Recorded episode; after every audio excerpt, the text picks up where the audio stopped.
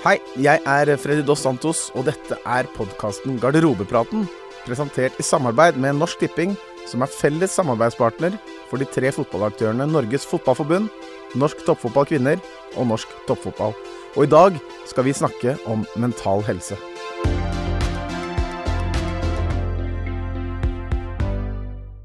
Guro, du har spilt fotball i en årrekke.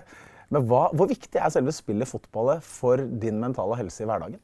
Jo, den er veldig viktig, og kanskje litt for viktig, egentlig. Det er jo sånn, Oftest har jeg følt at uh, jo bedre jeg går på fotballbanen, jo bedre har jeg det også ellers. Så jeg prøver jo liksom å finne andre måter å ha det bra på hvis det ikke skal gå bra i fotballen nå. Men det, det er veldig lett å si, og jeg syns det er vanskelig å gjøre noe med.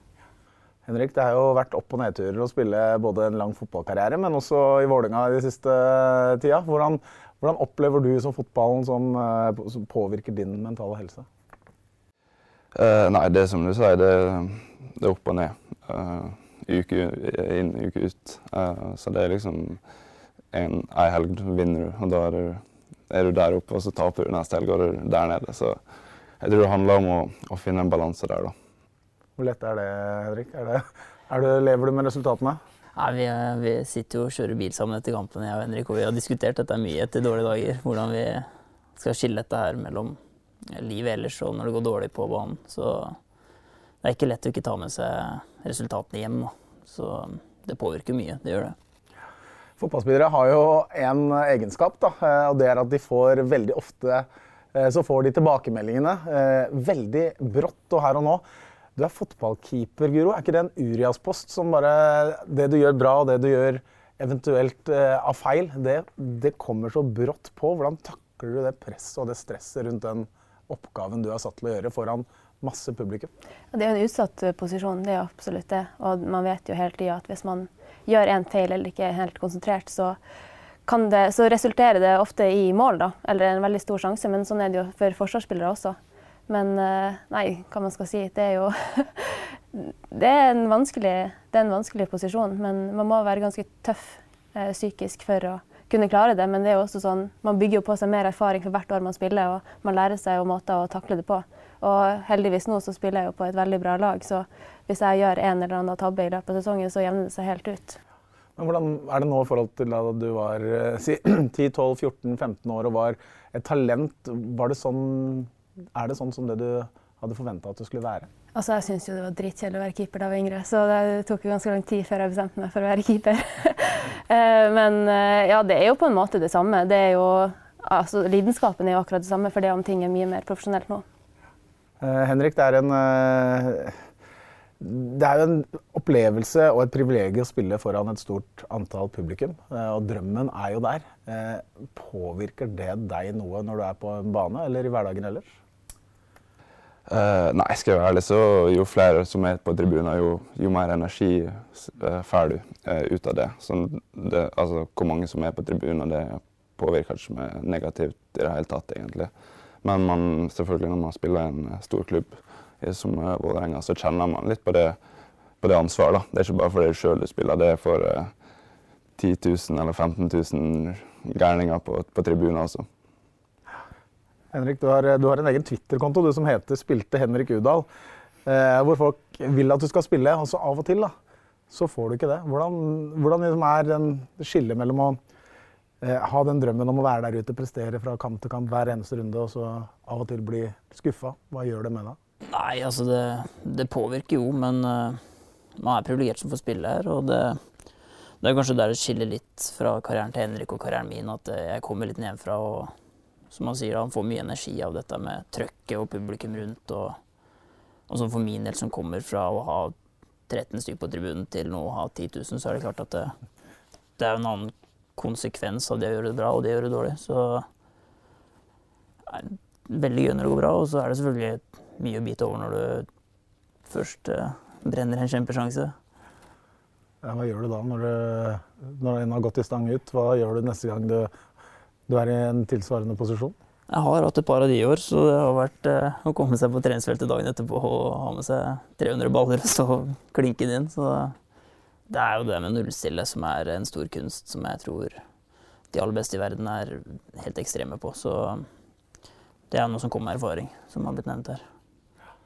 Eh, mange av dere som kanskje ser på nå, dere drømmer om å bli eh, fotballspillere. Eller eh, dere er midt i en fotballkarriere, eller har barn eller andre som, som er eh, interessert i å bli fotballspillere. Hva, hvordan jobber dere med mental helse i hverdagen, Guro? Har, har dere noe fokus på det i det hele tatt? Ja, har jo, det har jo blitt mer og mer fokus på det. Jeg husker Arna Bjørnar starta veldig tidlig i toppserien da jeg spilte på Jente 19-landslaget. Det er masse år siden. Og da husker jeg liksom at det var, det var ganske unikt at de starta med mentaltrener. Men det har jo blitt mer og mer normalt de siste årene. Så nå har vi jo egen mentaltrener i Vålerenga som vi jobber med hele sesongen. Og det, ja, det, jeg syns det er veldig fint at det er så mye fokus på det, og at vi faktisk eh, ja, men har, at vi har det i klubben. Og det har jo vært bra for dere òg. Ja, vi har jo fått en eh, Anne Helene inn der som har eh, Hun kom på riktig tidspunkt. Ja. Eh, Det løsna ordentlig etter at vi fikk hunden inn hit, så Nei, jeg, jeg jo, har jo jobba med mentaltrener i fem-seks år nå og har fått veldig stort utbytte av det. Så jeg tror det har kommet for å bli også, dette med mentaltrener innafor fotballen. Hvorfor tok du det valget? Hva skal jeg si? Jeg prøvde å jakte mariner på den tida der. Og dette med mentalitet når man er i lavere divisjoner er ganske viktig, for det er noen prioriteringer du må ta som er eh, ganske knallharde. eh, Og det er vanskelig å stå i. Så for min del så var det viktig å ha en å kunne lufte huet med. Dere har jo hatt, eh, dere to gutta, en ulik vei dit dere er nå, egentlig. Du starta i Vålerenga, så har du vært litt sånn nedover i divisjonene, og så bygd deg opp og vært tilbake her du er nå. Du starta i en bitte liten klubb oppe på, Nordvestlandet, men så var det til Ålesund og ut i verden, og ganske tidlig oppfylte en slags proffdrøm. Eh, det, liksom, det, det tyder bare på at det er ganske mange veier til å komme fram. Eh, Hvordan var det liksom din opplevelse av det når du gikk liksom fra bekreftelse kanskje til bekreftelse? Var det eh, annerledes, tror du, enn det Henrik opplevde? Ja, det, jeg tror det er positivt at det, det er sånn. At det er forskjellige veier i fotballen. Og noen ganger går det oppover, noen ganger går det nedover. Og det er liksom sånn, jeg tror det handler om å, å nyte øyeblikket da, og ikke alltid tenke på hvor du kunne vært, eller hvor du burde vært, eller det der. Og i stedet for bare ja, stå på hver dag og, ja, og, og nyte prosessen. Um, så ja, som sagt, jeg for tidlig ut. Og Henrik for tidlig til uh, vår fjerde divisjon, tredje divisjon. Så um, det, det er som sagt forskjellige, forskjellige veier. Men eh, for å starte med da, du flytta jo da til, til England og til Brighton. Eh, altså drømmen oppfylt allerede. Hvor gammel var du? Jeg var vel 19. 19 år. 19. Eh, fotballdrømmen egentlig eh, som er på vei til å bare ta full sats. Hvordan er det å komme til det miljøet som er der? Det er eh, ukjent, det er kanskje større press, det er større forventninger. Og hvordan, hvordan var det å møte den hverdagen? Uh, nei, jeg følte jo meg veldig klar for det av en eller annen grunn. Jeg vet ikke, Du er ung og offensiv og, og du drømmer stort. Uh, og jeg var liksom forberedt et par måneder på at det kunne skje, så jeg rakk jo på en måte å forberede meg litt på det livet som skulle komme. da. Så det var ikke sånn at jeg ble oppringt uh, en kveld, og så dagen etter måtte jeg på flyet. Så jeg gikk jo noen runder både med agenter og foreldre, og ja, ikke minst meg sjøl. Eh, og fant til slutt ut at eh, det var en sjanse jeg ville ta. Og det angrer jeg ikke på. Eh, men selvfølgelig sånn første ukene var det masse nytt og masse inntrykk, og du skal flytte alene for første gang. Og ja, det, det var bare helt utrolig masse som skjedde på en gang. Men med en gang det får roa seg litt, så, så, så var jeg klar for å, for å kjøre på. Hadde du noe apparat rundt deg når du kom til Brighton som, som hjalp deg på veien når du var 19 år og plutselig skulle bo i et uh, nytt land? Uh, nei, men klubben var jo såpass profesjonell at de hadde jo folk som jobba kun med spillerne. At de, de fiksa bil, de fiksa leilighet, de fiksa alt som sånn at jeg kunne tenke mest mulig på fotballen. Eh, så eh, så eh, det var noe veldig viktig når jeg skulle flytte for første gang. Eh, men sånn, eh, jeg hadde ikke vært borti noen mental trener eller noe sånt eh, på den tida. Uh, Henrik, du, du tok jo veien ikke til Brighton, men til Follo og Fana. Og Bergen er jo nesten som utenlands, eh, vil jo noen påstå. Men, eh, men eh, hvordan, hvordan var den eh, reisen? For du hadde vel ikke det apparatet rundt deg på den, eh, på den måten som han hadde? Nei, altså jeg eh, måtte jo på en måte investere litt i min egen karriere. Både med tid, krefter og økonomi. Så måtte det stå til med det gjorde selv. Og da, du får jo veldig eierskap til det du gjør, og det du legger ned. At du gidder ikke å slurve når du står opp halv seks for å skuddtrening, liksom. Altså, man får en helt annen eierskap til det og en helt annen selvtillit inn i hverdagen når du veit at de som sitter ved siden av deg, ikke i nærheten gjør det samme. I hvert fall ikke på det nivået der. Så, men jeg tror som sagt, altså, som Henrik sier, at man vokser veldig på å hoppe litt ut i de tinga her. Uansett om det er via en utenlandsdrøm som 19-åring eller å finne seg sjæl i tredjevisjon, så er det en reise som du vokser mye på som person. Eh, og så er det jo gøy i hvert fall at man kan møtes eh, på midtveien her, eh, selv om vi har vært to helt forskjellige steder. Du, det, er jo lett å tenke at ofte er det bekreftelser som gjør at du tar steget videre. At du, du får en eller annen ytre bekreftelse på at uh, dette her kan du jo. Uh, okay, du blir tatt opp på et yngre landslag eller blir tatt opp i en A-lagstropp eller noe sånt. Mens du må kanskje finne den litt inni deg. da. Uh, var du noen gang på vei til å tenke at dette går ikke, jeg gir opp? Ja, altså jeg har jo egentlig aldri vært på noe særlig til kretslag eller landslag eller noe som helst. Det var han der som var spiss en periode på landslaget vårt, så uh, Nei, altså det er klart du møter veldig mange avslag når du spiller på et lavere nivå i Norge, for det nåløyet er helt ekstremt trangt. Og det gjorde jeg selv når jeg ble toppskårer i tredje divisjon, at jeg sleit med å finne meg en andredivisjonsklubb. Eh, og det gjør jo at eh, du blir usikker om Hvis ikke dette er holdt, hva holder da? Og det samme følelsen satt jeg jo strengt tatt etter Åsane og blitt toppskårer i Obos-ligaen. At jeg satt litt på gjerdet og venta på det rette tilbudet. At eh, hvis ikke dette er holdt, hva, hva er det egentlig jeg driver med her? Er det jeg som ser feil?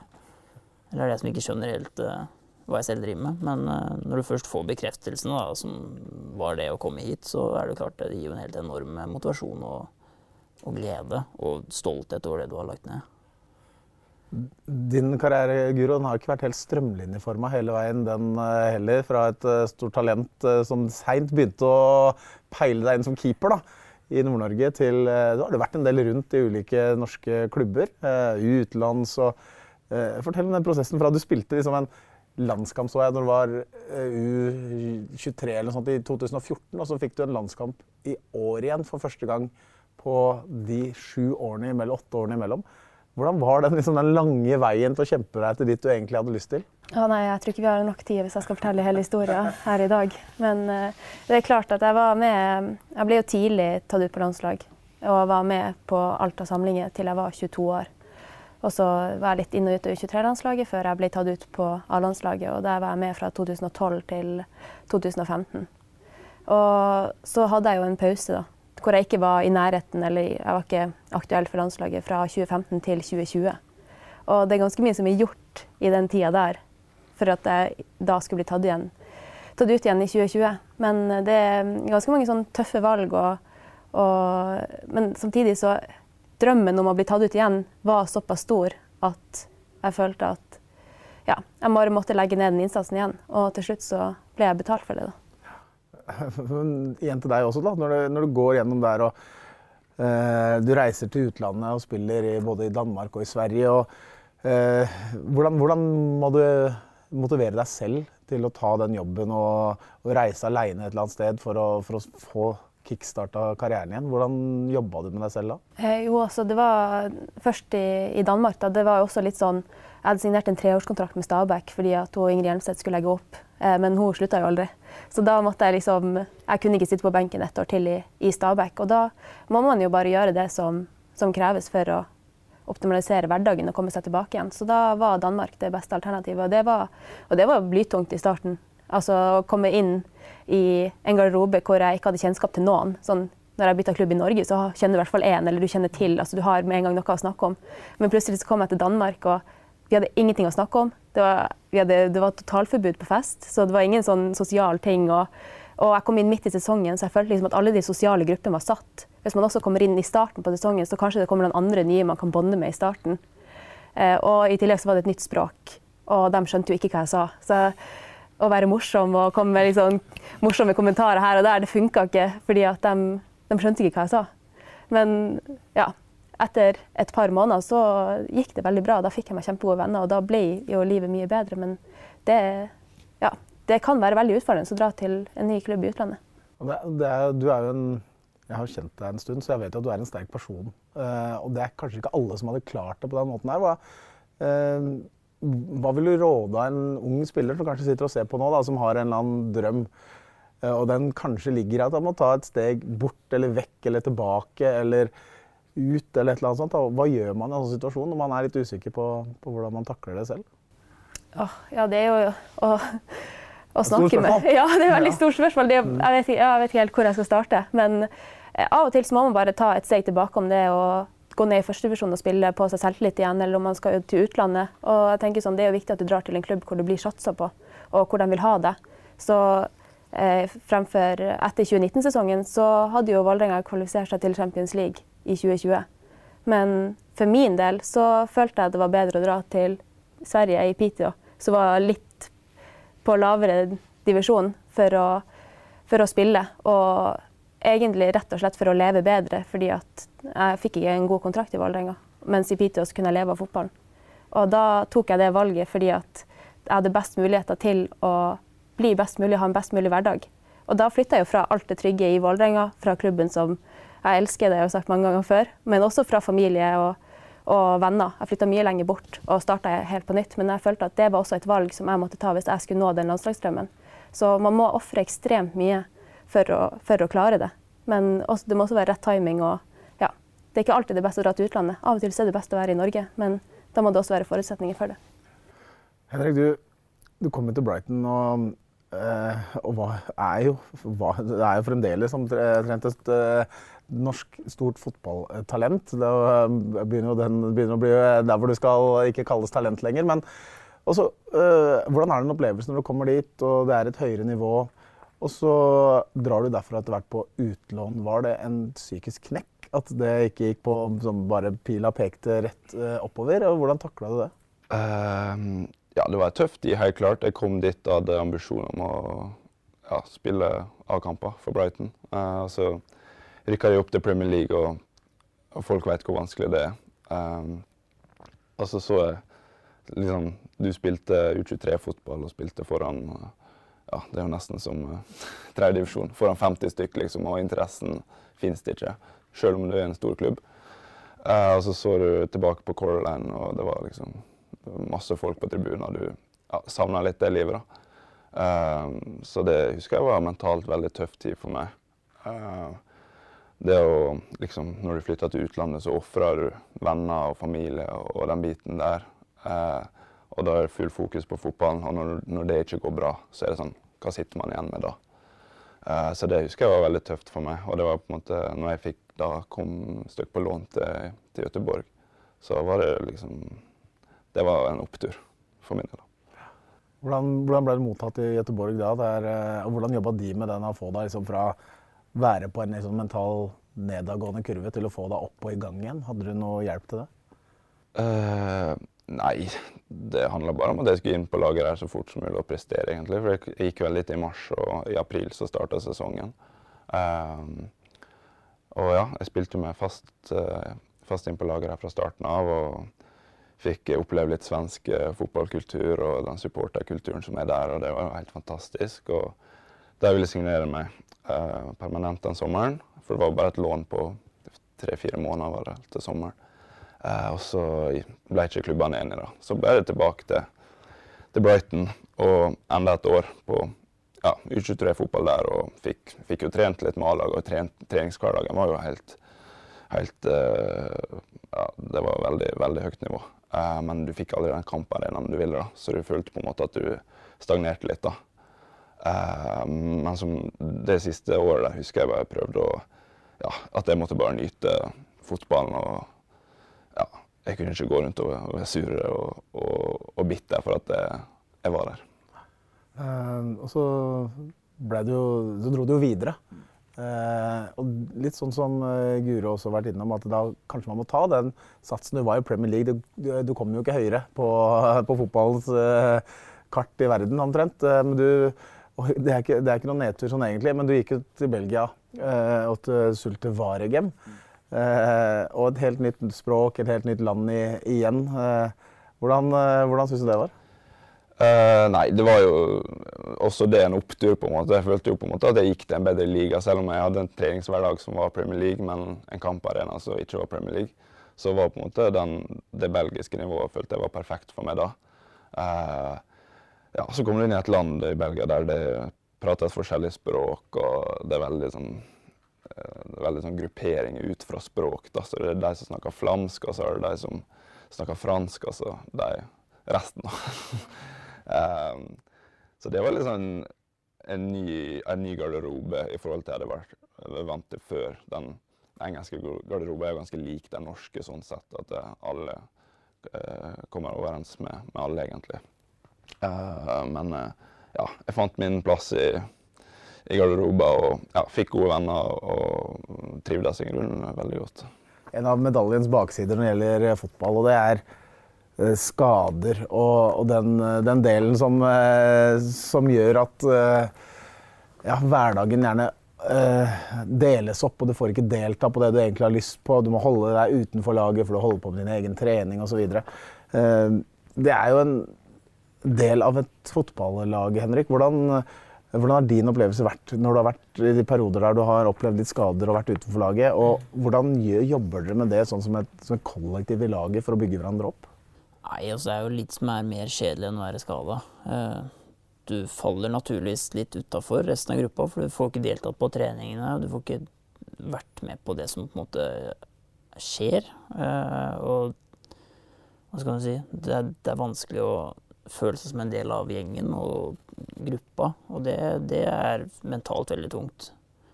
Og så er det jo også at du blir jo Det er ikke så stingel at du blir veldig rastløs når du først er på sida, fordi du føler at alle andre de får trent og tatt steg, mens du står stille og venter på å bli skadefri. Så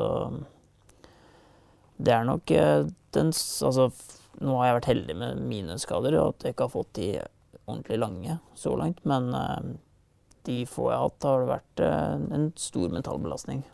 Uten tvil. Føler også liksom når du, når du spiller og taper og vinner, sånn, så går i hvert fall hverdagen litt sånn. Når du er skada, så føler jeg liksom, det blir bare monotont. Du får liksom ingen oppturer og ingen nedturer. Og det er jo enda verre enn å ikke kjenne på høydene og nedturene. Ja, det er da du begynner å tenke på det. altså Hvordan du setter pris på oppturer og nedturene. Fordi når du er skada, nei, når du er midt i sesongen og spiller, det er sånn åh, skal jeg ha en sånn uke igjen etter å ha tapt, liksom. Men når du først er skada, det er da du på en måte får zooma ut og liksom virkelig satt pris på den, eh, ja, den hverdagen du faktisk har. Klarer du å se på deg selv som privilegerte som får gjort det? Uh, ja, det er det helt klart, men du må på en måte minne deg på det, minne deg sjøl på det iblant også. fordi det er lett at det går, går litt i glemmeboka, og du blir, blir styrt av, av følelser. Tenker du noen gang på at de som sitter og ser på tribunen Guro, de, de, hadde drømt om å være i din posisjon. Det er det, det er det, de også hadde lyst til, egentlig. Og du er der. Og så kan man få den opp- og nedturen, og det, man er sliten. og så forventer egentlig alle rundt deg at det, du er jo fotballspiller, du skal bare ha det gøy og du lever av det du drømmer om. Ja, men jeg gjør jo det òg.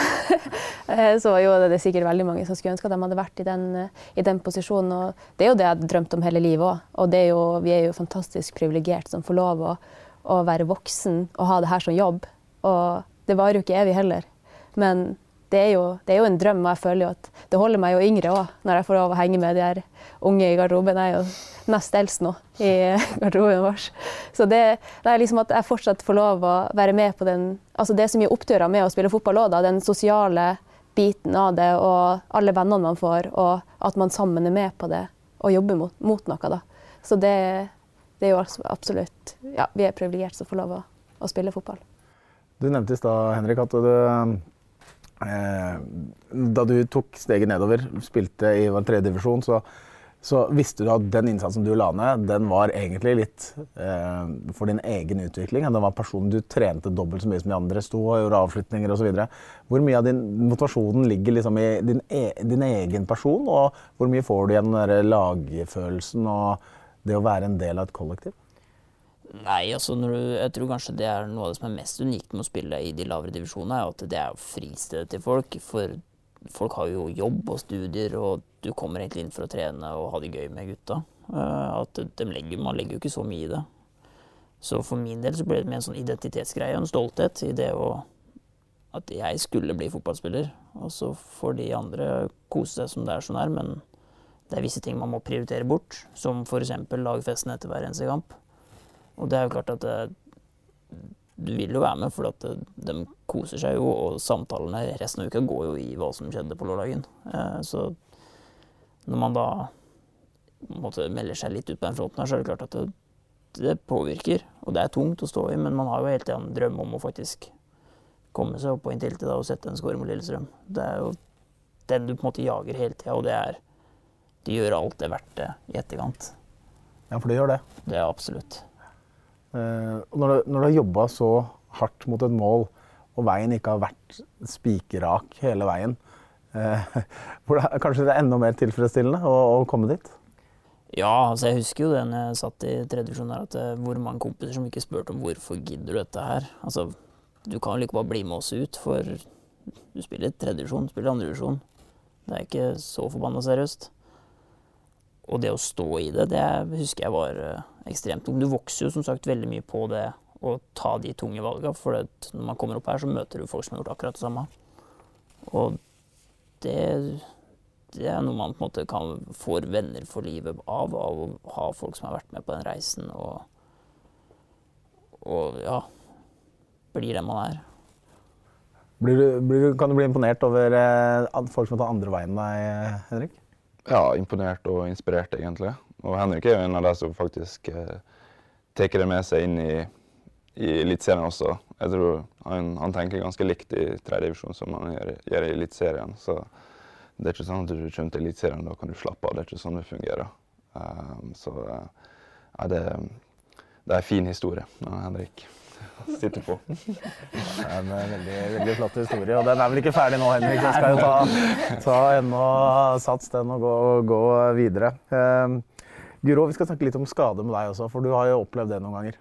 Ja. Uh, ja, Fortell liksom om de prosessene som skjer da, når, eh, når, du er ute over litt tid og du får uh, det får liksom, Du kommer tilbake, du er i en posisjon, blir skada, blir satt ut av den posisjonen du egentlig er i.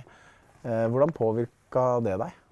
Eh, jo, altså det er klart at å være skada Vi var jo litt inne på at det er liksom en veldig monoton hverdag. Med, og i hvert fall litt skadene jeg har hatt, så har det vært mye hjernerystelser. Så da blir jo også livet veldig monotont og kjedelig. For det er svært begrensa på hva man kan gjøre, og i svært min, små mengder i løpet av, av dagen. Men eh, ja, sånn som den situasjonen jeg er i akkurat nå, da, så har jeg La oss si at jeg har brukt fem år da på å komme tilbake på landslaget, og brukt to år på å bli førstekeeper på landslaget. For jeg er sykt takknemlig liksom, for at jeg fikk spille EM og liksom alt det der.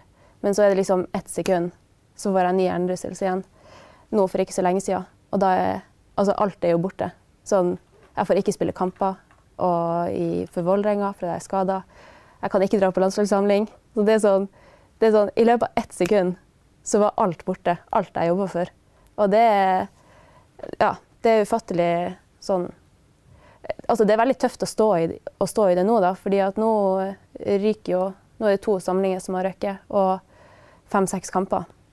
Og nå er det ikke så mye igjen av sesongen heller. Så jeg må jo egentlig bare prøve å tenke neste år, fordi at nå er, det, meste, er det meste kjørt. Men det, det, er klart det er ekstremt utfordrende å å stå i det. For det eneste jeg har lyst, til er å spille fotball. Men man kan jo ikke kontrollere og styre skader. Men, og samtidig som jeg også prøver å tenke på at i løpet av det ene sekundet så blir alt drevet bort. Men fotballen er jo sånn at man vet jo aldri hva som skjer i morgen. Så i løpet av ett sekund så kan jo alt være tilbake igjen. Og det er jo det som også gir meg inspirasjon til å fortsette å, å jobbe videre. Du, du, har en skade som potensielt er litt skummel, eh, med hjernerystelse. Har du noen gang tenkt på at det ikke er verdt å spille fotball?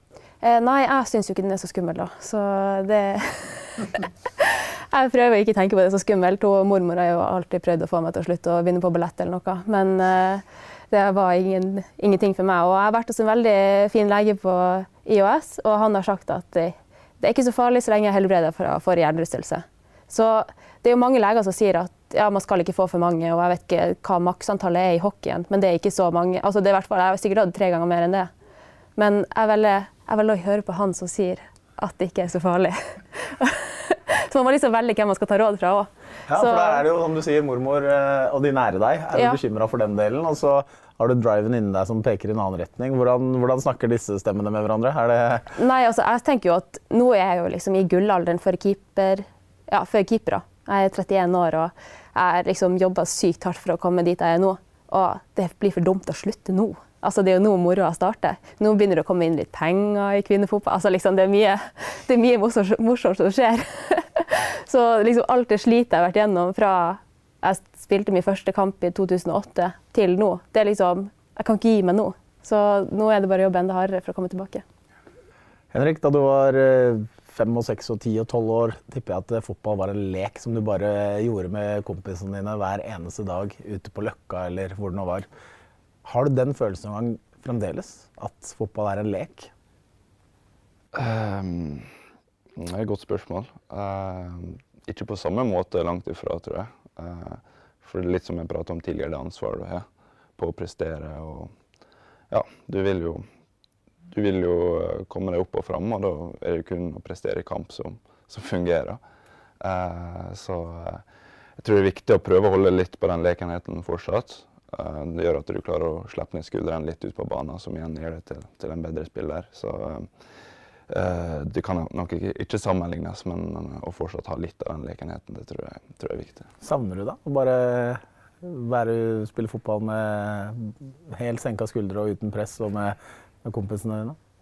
Eh, ja, man gjør nå det. Men så hadde jeg fått tilbud om å, å spille i femtedivisjon og, og hatt det sånn, så hadde jeg sagt nei. Jeg ville heller hatt den hverdagen jeg har nå, og, og den eh, prestisjen det, det står på.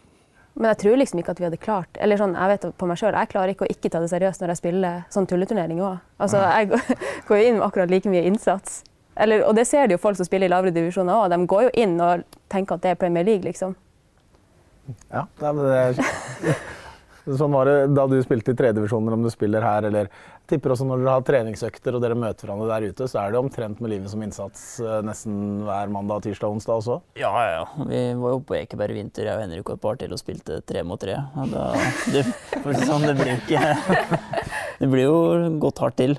Og dårlig stemning i Det bilen blir- på vei tilbake. Det blir råtten stemning etter hver eneste økt, så vi, det har ikke så mye å si hvor og når. Det, man har det instinktet i seg, så det tror jeg er ganske likt uansett eh, hvor man spiller. altså. Og det kan jeg kjenne igjen at jeg var i barndommen òg. At jeg hadde sykt lyst til å vinne. Det var ikke sånn bare gøy å drive og Altså uansett om det var på skolen eller om det var i Altså jeg var jo kjempeført topping av lag i tidlig alder. Altså det var jo Så da jeg begynte å jobbe som trener, så har jeg tenkt litt motsatt. Men sånn Ja, jeg tror liksom alle som klarer å bli idrettsutøver, ha, må jo ha det i seg. At det er blodseriøst fra dag én. En ting som er gøy med å spille fotball, er at du er del av et lag. Da. Det kontra å være f.eks. langrennsløper eller eh, skihopper eller hva det nå er. De, de er på et lag, de òg, men det er din individuelle prestasjon som du sier og sist blir målt. Hvordan, Henrik, hvor, hvor viktig er din prestasjon kontra lagets prestasjon sånn rent uh, mentalt for deg? Det, kan du være fornøyd med en dårlig kamp som du har spilt, så lenge dere vinner, eller er det bedre omvendt? Nei, det er jo klart man Det aller kjekkeste er hvis du selv har spilt bra og laget har vunnet. Da, det er jo litt som slår det, men det er ikke alltid det, det går. Eh, så er det klart at det, når laget vinner, så er det Alt er jo bedre rundt. Folk er i bedre humør. Vitsene sitter løst, og man er i godt humør. Så er det klart at man kommer hjem og reflekterer over kampen sin, og man ikke er fornøyd, så er det klart at man Det påvirker humøret litt, men til syvende og sist så er det jo lag Du er jo del av et fellesskap, og jeg tror kanskje det er litt unikt i Norge i forhold til utlandet med hvor kynisk man er for sin egen del. Eh, Jeg tror i Skandinavia generelt at en lag er mer hellig enn det det kanskje er i utlandet, for der handler det til syvende og sist om at du må levere, og hvis ikke du leverer, så kommer nestemann og tar plassen din. Så jeg tror vi er heldige som får ha det fellesskapet man har i garderoben i Norge, for eh, heller, heller man kan diskutere lenge om det er en god ting eller en dårlig ting, men jeg setter i hvert fall veldig pris på det at man, man vinner og taper som et lag. Hvor viktig er miljøet for din trivsel eh, i fotballen, Henrik? Eh, nei, det er selvfølgelig veldig viktig. Og det har jeg kjent på etter jeg kom tilbake til Norge, hvor, hvor deilig det er å ha den eh, ja, Kall det tryggheten da, i et miljø eh, som du kanskje ikke har i utlandet, naturlig nok. Eh, så eh, ja, det, det Det er blitt viktigere også jo, jo eldre jeg har blitt, egentlig, kjenner jeg at eh, du har det bra med deg rundt deg også. Guro, du er blitt en, eh, du sa det, eh, omtrent eldst på laget. Hva, har, føler du et annet ansvar for å ta deg av litt de yngre spillerne, og at de også skal trives og ha det bra og, og, og kunne liksom, kose seg med sin fotball? Ja, absolutt. Jeg føler på et veldig stort ansvar på, for å være et godt forbilde. Og liksom både sette nivået på trening og hvordan, altså forberedelser og være et godt forbilde sånn. For jeg tenker jo at sånn, det beste måten man kan vise det på, er å gjøre det sjøl. Ja, folk tror liksom ikke på det så mye hvis du bare står og forteller hva- folk skal gjøre. Så det, ja, jeg føler på et stort ansvar med å ta vare på alle og ja, høre om det går bra og snakke dem om ulike ting. Men uh, det er også godt, litt godt å trekke seg bort av og til og bare la dem holde på og snakke om alt de vil. Dere, dere spiller jo i samme klubb, men så er det Vålerenga damer og Vålerenga herrer.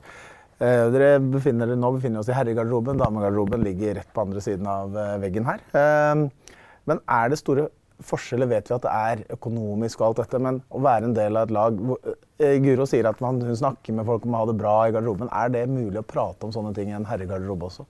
Er det sånn at man tar vare på hverandre og ser hverandre?